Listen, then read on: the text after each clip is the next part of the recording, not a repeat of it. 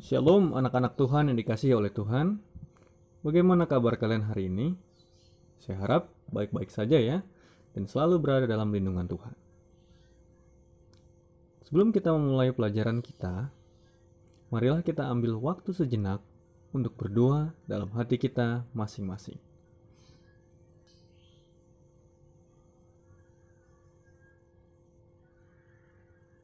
Amin. Baik, pelajaran agama untuk bab yang pertama berjudul Demokrasi dan Hak Asasi Manusia.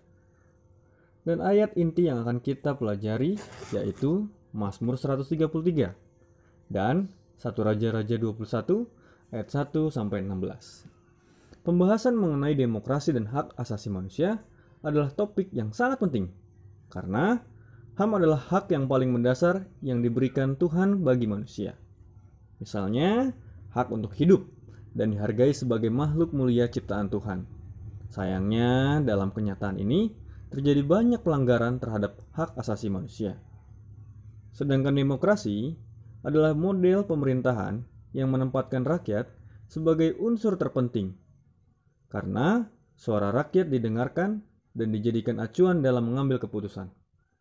Oleh karena itu, pembahasan mengenai demokrasi dan hak asasi manusia diharapkan dapat memberikan pencerahan bagi kita remaja Kristen untuk menyadari bahwa manusia diciptakan Tuhan sebagai makhluk mulia yang memiliki martabat dan hak sejak dalam kandungan ibu. Pada sisi lain, pembahasan ini sekaligus memotivasi kamu untuk mampu membela asasi manusia, diri sendiri, maupun hak orang lain serta bertindak proaktif. Artinya kamu akan bertindak nyata dalam memperjuangkan demokrasi dan hak asasi manusia.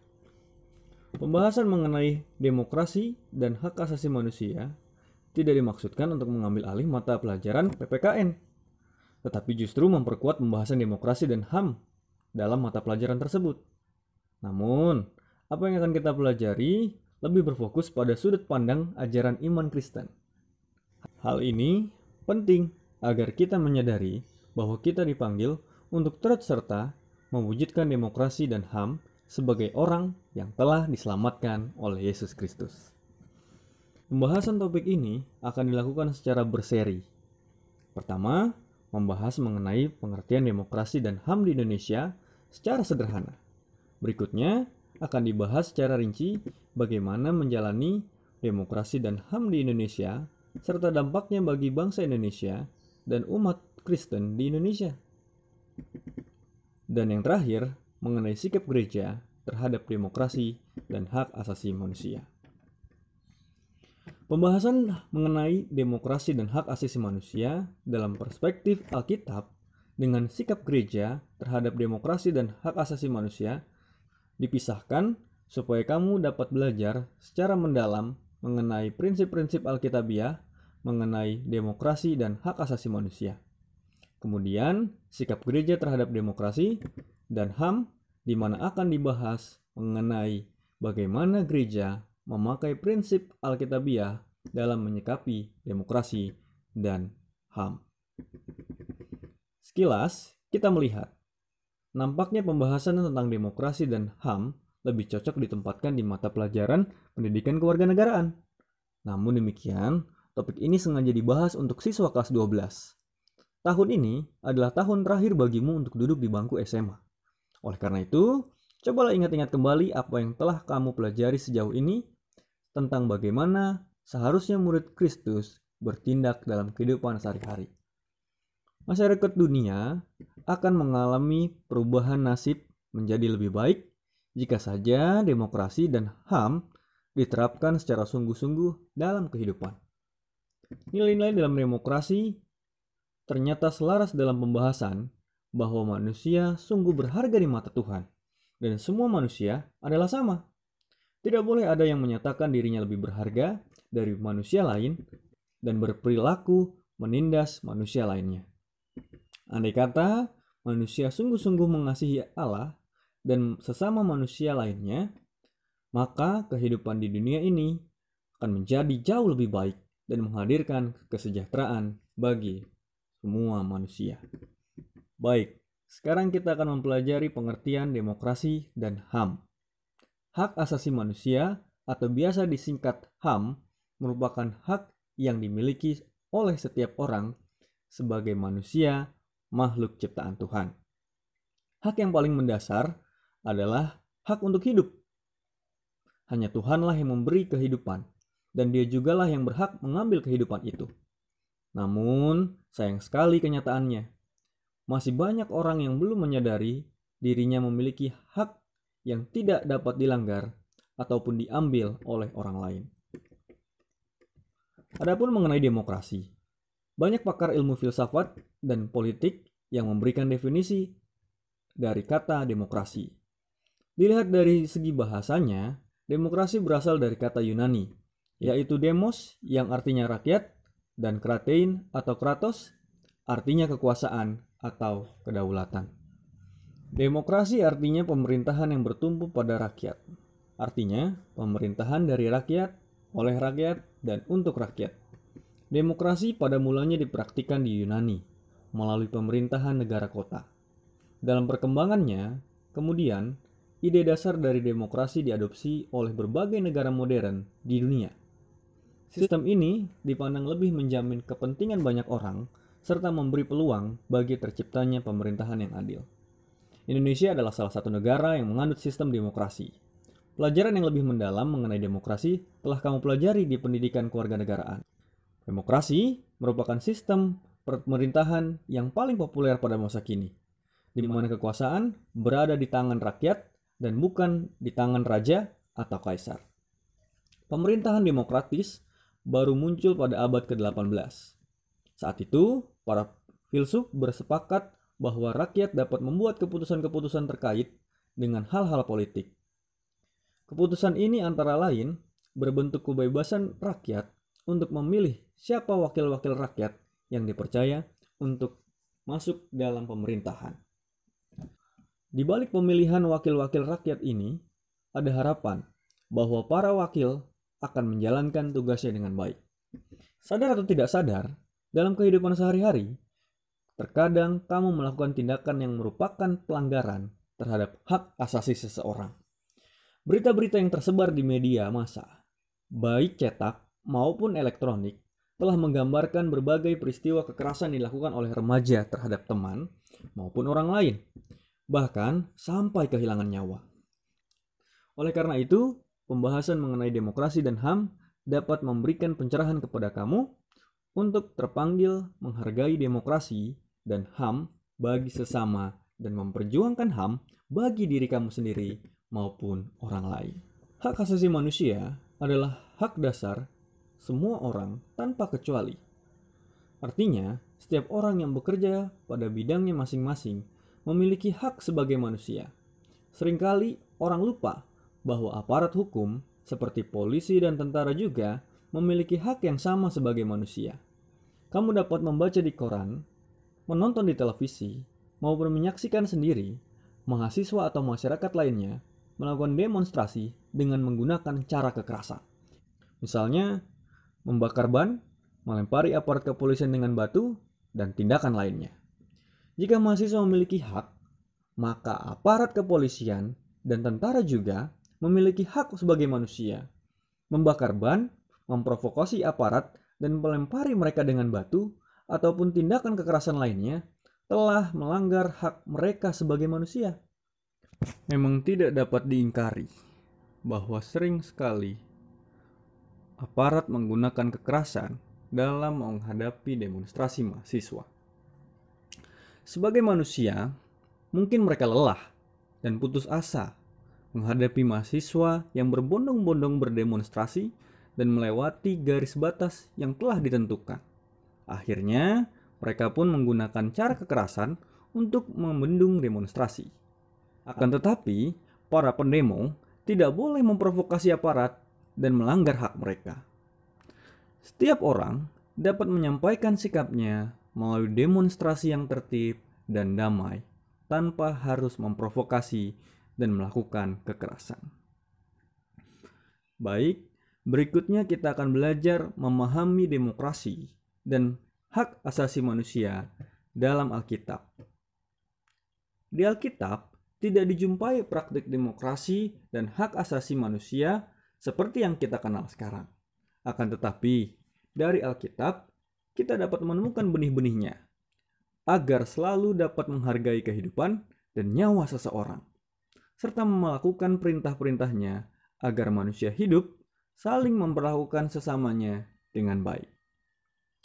Sebagai contoh, Mazmur 133 berbicara tentang suatu masyarakat yang hidup rukun bagai saudara. Masyarakat yang hidup rukun seperti ini tentu akan saling menghargai sesamanya. Mereka tidak akan saling menekan, menindas, memeras, apalagi menganiaya. Menurut pemazmur, masyarakat seperti itu akan tampak indah. Ya, sudah tentu, karena masyarakat seperti itu tidak akan banyak mengalami konflik. Konflik atau perbedaan pendapat akan mereka selesaikan dengan baik. Hal yang lebih penting lagi, kepada masyarakat seperti itulah Tuhan akan melimpahkan berkatnya. Mengapa kita harus saling menghargai? Karena Tuhan sendirilah yang menciptakan manusia menurut gambarnya. Sebagaimana tertulis dalam kitab kejadian 1 ayat 26, kesegambaran itu menunjukkan bahwa manusia adalah makhluk yang memiliki hak dan martabat. Hal itu tidak dapat dirampas oleh siapa pun atas alasan apa pun. Semua manusia sama di mata Tuhan. Manusia tidak hanya diciptakan sebagai makhluk individu, melainkan juga sebagai makhluk sosial. Oleh karena itu, HAM dapat diwujudkan melalui hidup rukun sebagai sesama manusia sebagaimana tertulis dalam Mazmur 133. Nah, jika Mazmur 133 berbicara tentang masyarakat yang hidup rukun, maka kitab satu Raja-Raja pasal 21 bicara tentang bagaimana raja dan istrinya menggunakan kekuasaan untuk menindas dan merampas hak warga negaranya. Itulah kisah dari Raja Ahab dan juga istrinya Bathsheba.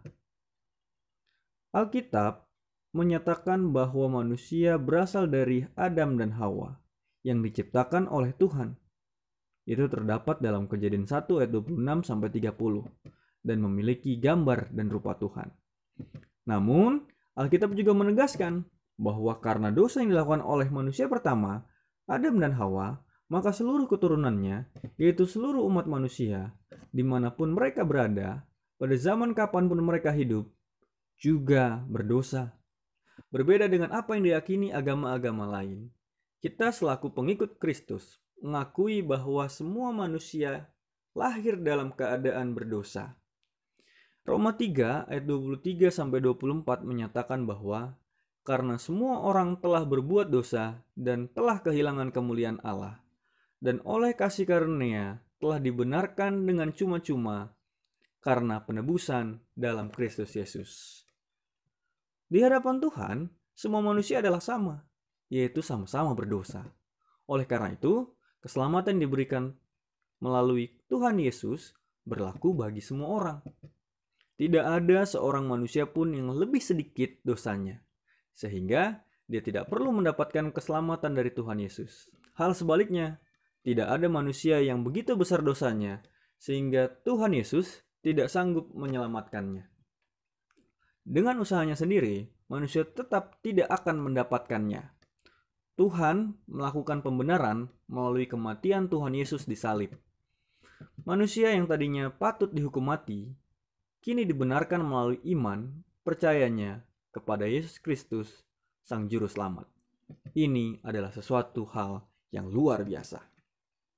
Ungkapan-ungkapan yang dipakai Rasul Paulus untuk menyatakan betapa Tuhan sangat mengasihi manusia berdosa ini, misalnya dapat ditemukan dalam Roma 1 ayat 17 atau Roma 3 ayat 21 sampai 22 dan 1 Korintus 15 ayat 57. Dalam kitab Injil Yohanes 3 ayat 16, ayat yang begitu terkenal tertulis, Karena begitu besar kasih Allah akan dunia ini, sehingga ia telah mengaruniakan anaknya yang tunggal, supaya setiap orang yang percaya kepadanya tidak binasa, melainkan beroleh hidup yang kekal. Tuhan membenarkan manusia yang awalnya berdosa, karena Tuhan sungguh mengasihi manusia. Dapatkah kita membayangkan betapa hebatnya pembenaran dari Tuhan ini? Hal ini dilakukan secara cuma-cuma. Artinya, memang kita tidak harus membayar. Gratis. Karena kita memperoleh keselamatan itu berdasarkan kasih karunia Tuhan. Cuma satu hal yang harus kita lakukan, yaitu kita percaya kepada Yesus Kristus. Setelah menerima penebusan Yesus Kristus, manusia hidup dalam kebebasan untuk memiliki damai sejahtera Tuhan karena tidak perlu lagi hidup dalam perhambaan dosa. Kini, setelah dibenarkan oleh Tuhan dan mengalami damai sejahteranya, apa yang harus kita lakukan? Tuhan membenarkan kita karena kasihnya kepada kita. Apakah kita menyimpan kasih Tuhan itu untuk diri kita sendiri? Atau kita membagikannya supaya orang lain dapat memiliki pengetahuan yang sama dan mengalami damai sejahtera dari Yesus. Di sinilah kita memiliki tugas untuk memelihara kemerdekaan yang sudah kita miliki dalam Kristus. Artinya, merdeka untuk melakukan kebenaran, yaitu hal-hal baik yang dikendaki Tuhan.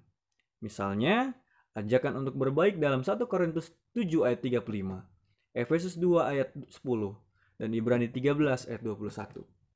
Berdasarkan ayat-ayat tersebut, muncul pemahaman yang memandang orang lain sama. Artinya, tidak memiliki derajat lebih tinggi atau lebih rendah dibandingkan dengan diri kita sendiri. Nah, sekarang kita akan mempelajari cakupan demokrasi dan hak asasi manusia. Hak asasi manusia adalah hak paling mendasar yang dimiliki oleh manusia dan tidak dapat diambil oleh orang lain, bahkan oleh negara sekalipun. Hak untuk hidup adalah salah satu bentuk hak yang paling mendasar yang diberikan Tuhan kepada manusia. Hak asasi tersebut adalah yang pertama, hak warga negara, yaitu hak untuk hidup dan merasa aman, memiliki privasi, berkeluarga, hak milik pribadi, menyatakan pendapat dengan bebas, memeluk dan melaksanakan agama atau kepercayaan, dan berkumpul dengan damai. Yang kedua, hak-hak politik, yaitu hak untuk berserikat, membentuk partai politik, ikut serta memilih dan dipilih dalam pemilihan umum, menduduki jabatan pemerintahan, dan sebagainya. Yang ketiga, hak-hak ekonomi dan sosial, yaitu hak untuk bebas dari kemiskinan, hak untuk diterima dalam masyarakat dan bangsa-bangsa, dan hak untuk menentukan nasib sendiri. Selanjutnya, kita akan membahas secara mendalam mengenai demokrasi dan HAM yang telah kamu pelajari dalam pelajaran pendidikan kewarganegaraan. Sejarah singkat demokrasi dan hak asasi manusia. Menurut Diana Ravitch dan Abigail Turnstorm, dalam buku Demokrasi Klasik dan Modern pada tahun 1941, Franklin Delano Roosevelt menyampaikan pidatonya yang terkenal mengenai empat kebebasan yang diharapkan dapat diperlakukan di seluruh dunia, yaitu sebagai berikut. Yang pertama, kebebasan berbicara dan berpendapat di mana pun juga di dunia. Yang kedua, kebebasan kepada setiap orang untuk beribadah kepada Tuhan dengan caranya sendiri di mana pun juga di dunia. Yang kedua, kebebasan kepada setiap orang untuk beribadah kepada Tuhan dengan caranya sendiri di mana pun juga di dunia. Yang ketiga, kebebasan dari kekurangan. Artinya, setiap negara berhak untuk hidup damai dan memberikan kedamaian bagi masyarakatnya, serta kesehatan yang baik. Yang keempat, kebebasan dari rasa takut. Artinya, setiap negara dan masyarakatnya memiliki hak untuk bebas dari serangan dan intimidasi maupun invasi negara lain maupun negara tetangganya. Pada saat pidato tersebut disampaikan, masyarakat dunia berada dalam bayang-bayang kehancuran karena Perang Dunia Kedua. Ada beberapa peristiwa menyedihkan yang terjadi, yaitu saat Perang Dunia Kedua, sangat banyak umat manusia terbunuh serta menghancurkan berbagai tempat di dunia. Misalnya, pembantaian etnik Yahudi oleh Jerman Nazi di bawah pemerintahan Adolf Hitler. Perang Dunia Kedua telah meninggalkan bekas yang pahit bagi sejarah umat manusia, yaitu penghancuran terhadap tatanan masyarakat dan pelanggaran besar-besaran terhadap hak asasi manusia. Belajar dari kepahitan itu, pada tahun 1948, bangsa-bangsa di dunia sepakat untuk melakukan deklarasi universal hak asasi manusia yang dalam bahasa Inggris Universal Declaration of Human Rights. Kesepakatan itu ditandatangani oleh semua negara anggota PBB di New York pada tahun 1948.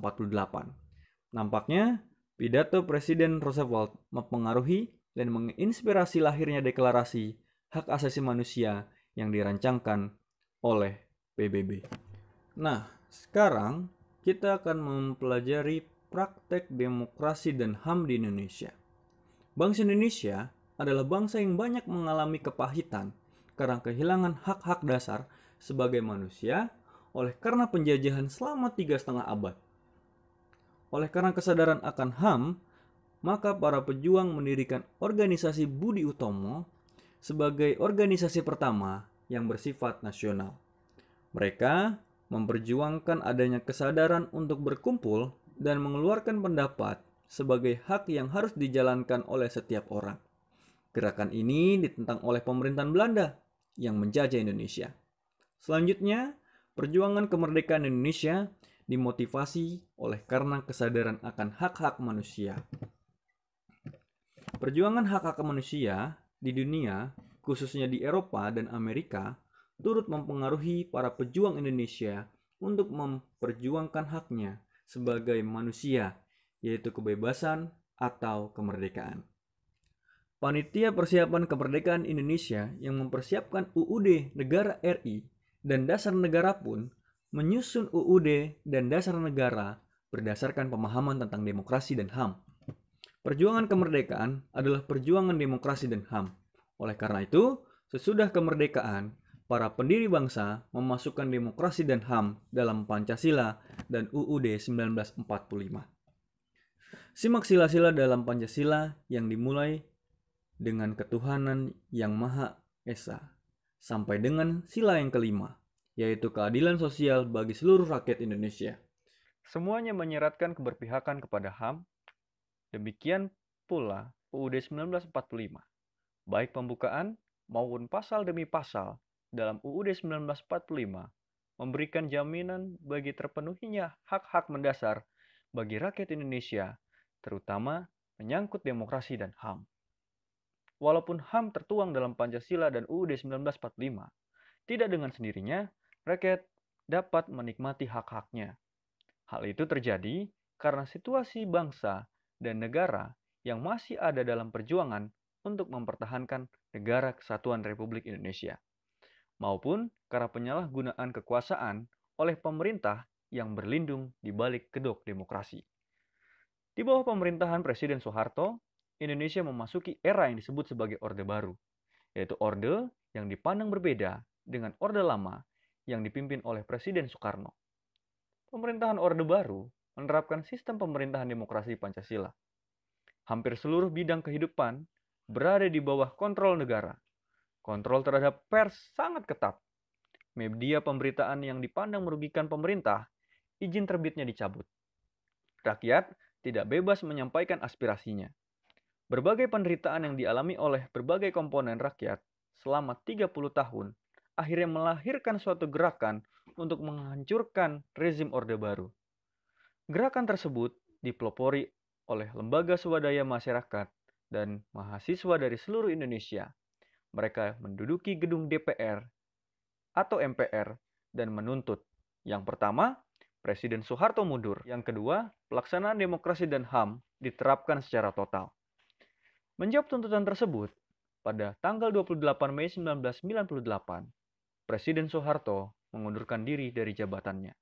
Dengan demikian, menandai era baru yang disebut masa transisi menuju reformasi, beberapa mahasiswa Universitas Trisakti gugur sebagai pahlawan reformasi. Banyak orang yang menyebut masa setelah Orde Baru sebagai era reformasi karena adanya gerakan reformasi yang berhasil meruntuhkan pemerintahan Orde Baru. Dalam kenyataannya, hingga kini bangsa dan negara Indonesia masih terus berjuang untuk mewujudkan hak asasi manusia. Masih banyak hal yang harus diperbaiki dan diubah supaya rakyat memperoleh apa yang merupakan hak-haknya. Sekarang, apakah kamu pernah melakukan tindakan yang dapat dikaitkan dengan melanggar hak atau kebebasan orang lain? Mengapa kamu melakukannya? Ataukah kamu sendiri pernah menjadi korban di mana hak dan kebebasanmu dilanggar? Ceritakan bagaimana hal itu terjadi dan bagaimana cara kamu mengatasinya. Buat dalam bentuk video dan kirimkan ke Google Classroom. Kesimpulan yang bisa kita ambil dari pelajaran kita adalah hak asasi manusia adalah hak yang harus dipenuhi oleh setiap orang sebagai makhluk ciptaan Tuhan.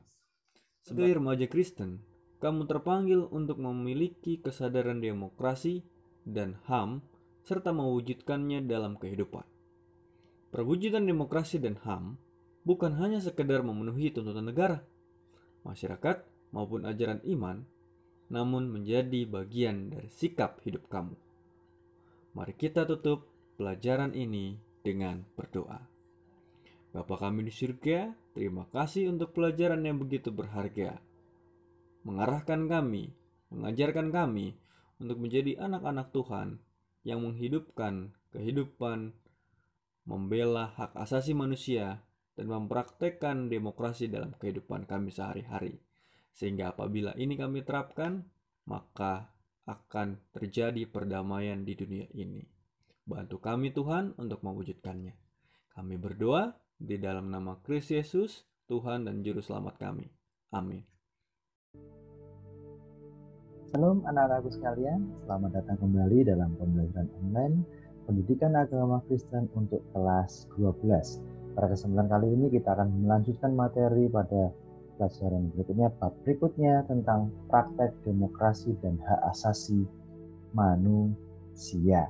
Ya, kemarin kita sudah membahas tentang demokrasi dan hak asasi manusia secara umum dan menurut pandangan Alkitab seperti apa. Di dalam Mazmur 113 juga dikatakan bahwa harus seperti ini, harus seperti itu. Bahkan di ada ada kisah tentang Nabot ya yang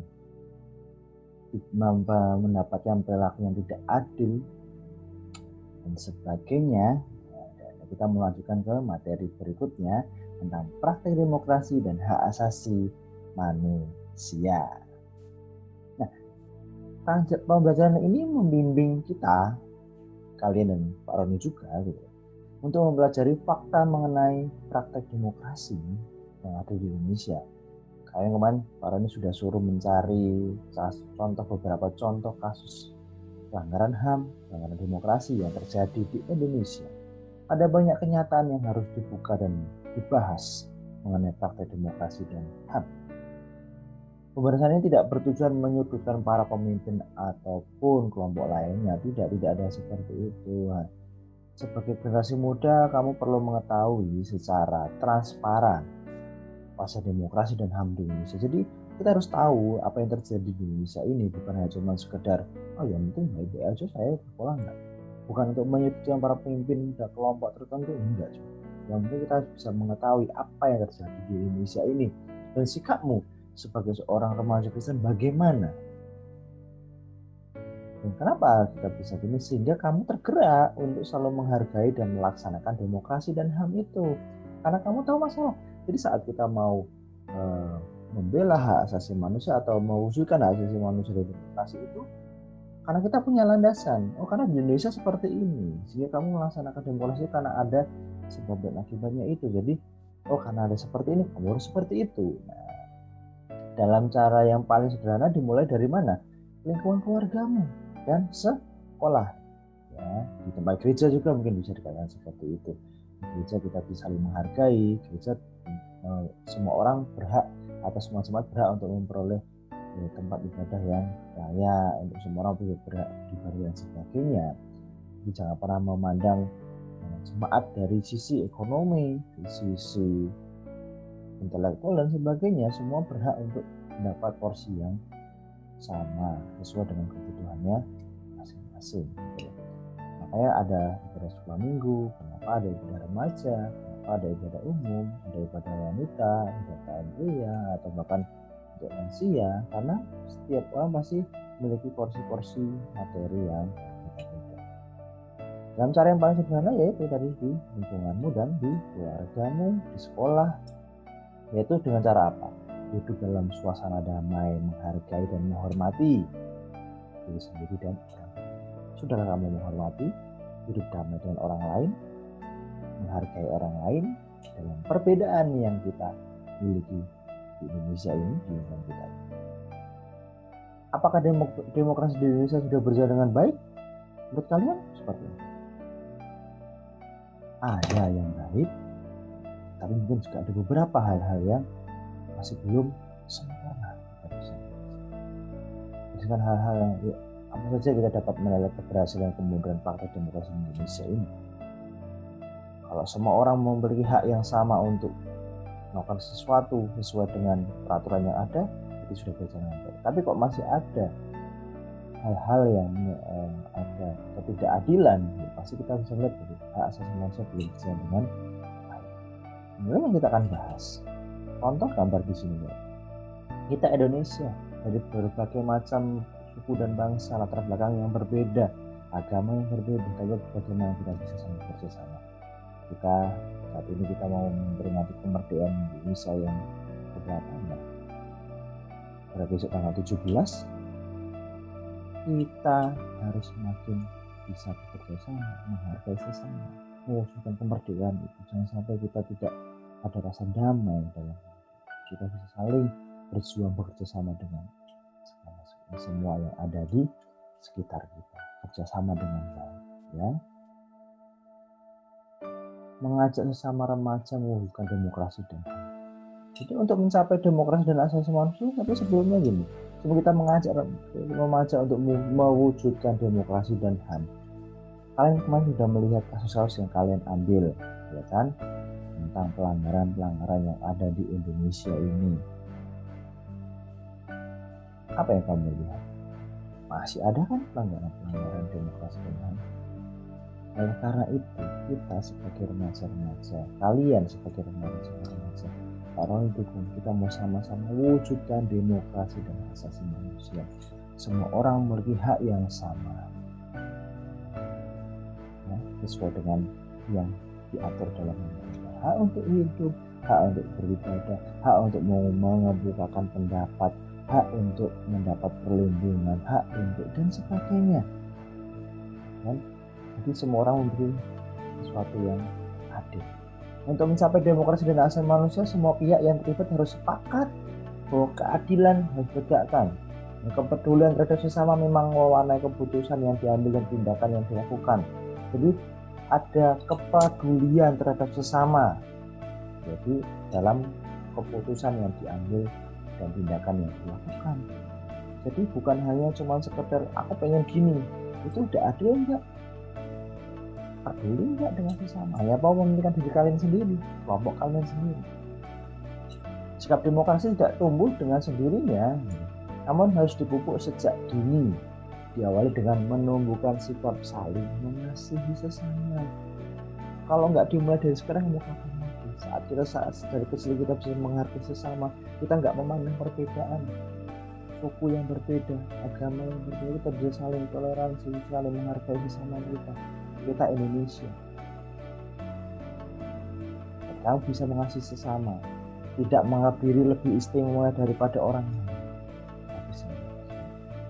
Kalau sudah ada berpikiran bahwa kelompokku paling baik, paling hebat kamu kelompok menjelekkan kelompoknya, itu bisa awal mula perpecahan, awal mula pertikaian. Karena tidak saling menghargai, mengasihi, menganggap dirinya lebih hebat daripada terus semoga kita bisa paham akan hal itu. Sejak dini orang tua perlu menerapkan pola asuh yang demokratis. Jadi ya kita percaya bahwa setiap anak punya hobi atau kemampuan yang berbeda. Kakak adik pun masih memiliki. Apakah orang tua memaksa, misalkan, oh kamu nanti harus, harus jadi polisi ya, oh kamu harus jadi dokter ya, kamu harus menjadi seperti ini ya, kamu seperti itu.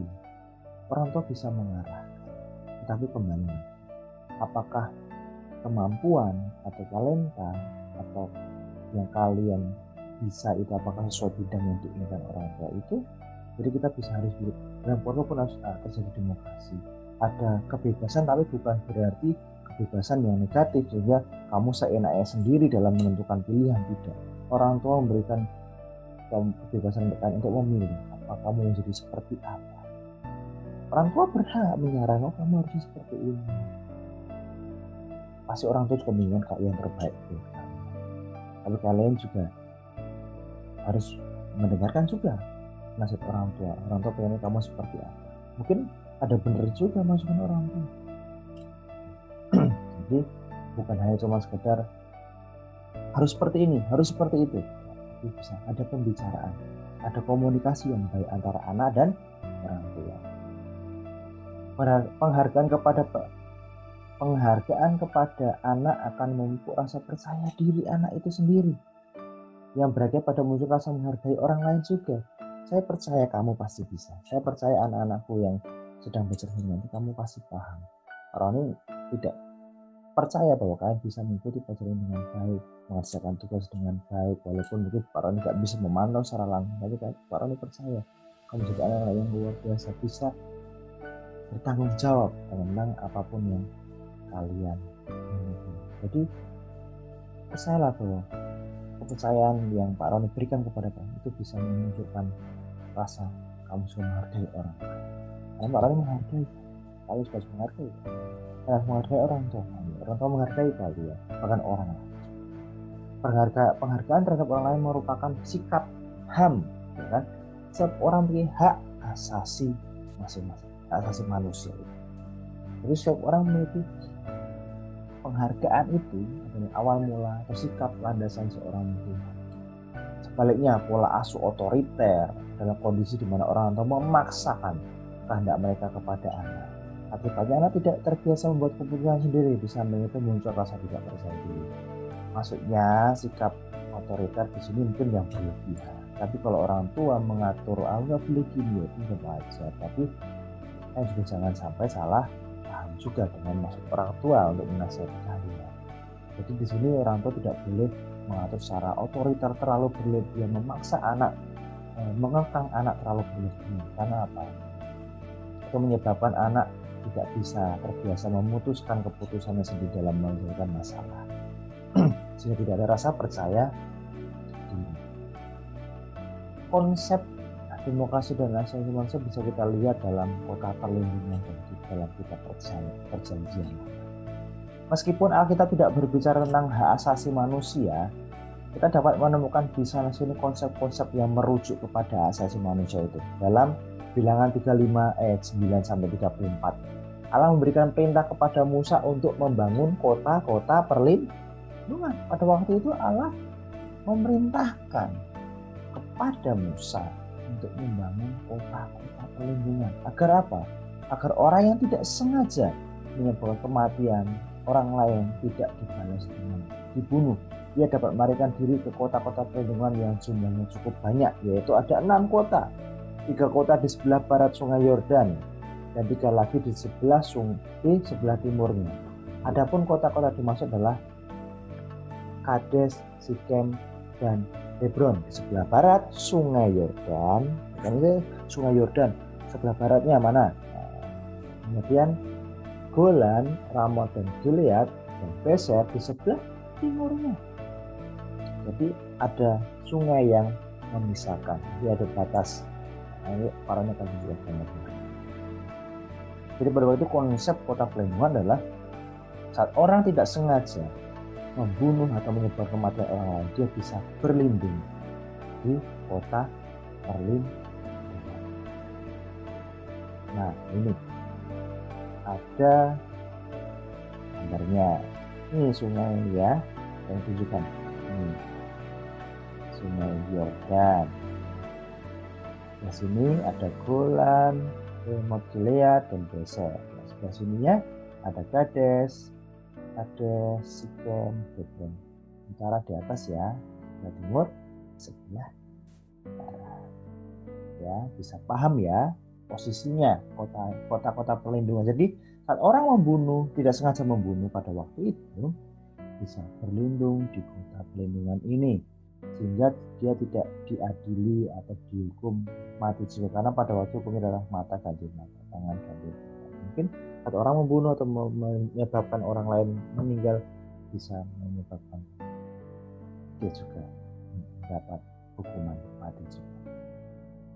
Jadi apabila seorang membunuh atau mengakibatkan seorang tewas dan ia merasa tidak bersalah atau tidak sengaja telah menyebabkan kematian itu, maka ia dapat melarikan diri ke kota-kota tersebut untuk berlindung. Ia tidak akan dibunuh.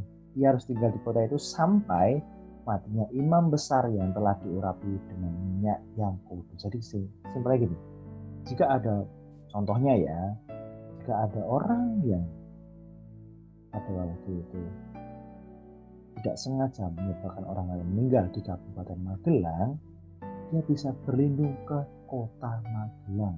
Sampai kapan?